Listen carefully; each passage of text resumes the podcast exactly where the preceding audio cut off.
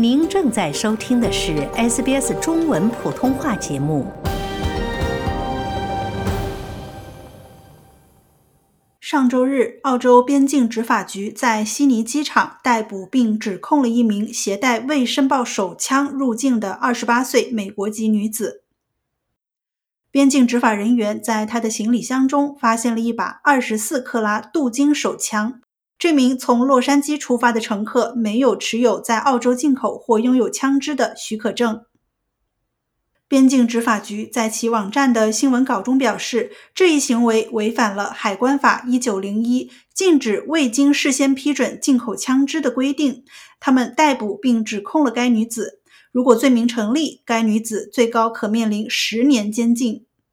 本周一，该女子在悉尼唐宁中心地方法院出庭，随后获得保释。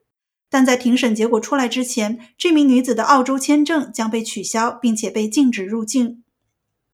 据悉，在澳大利亚，每一百人中约持有十五支枪；而在美国，每一百人中枪支持有量可达一百二十一支。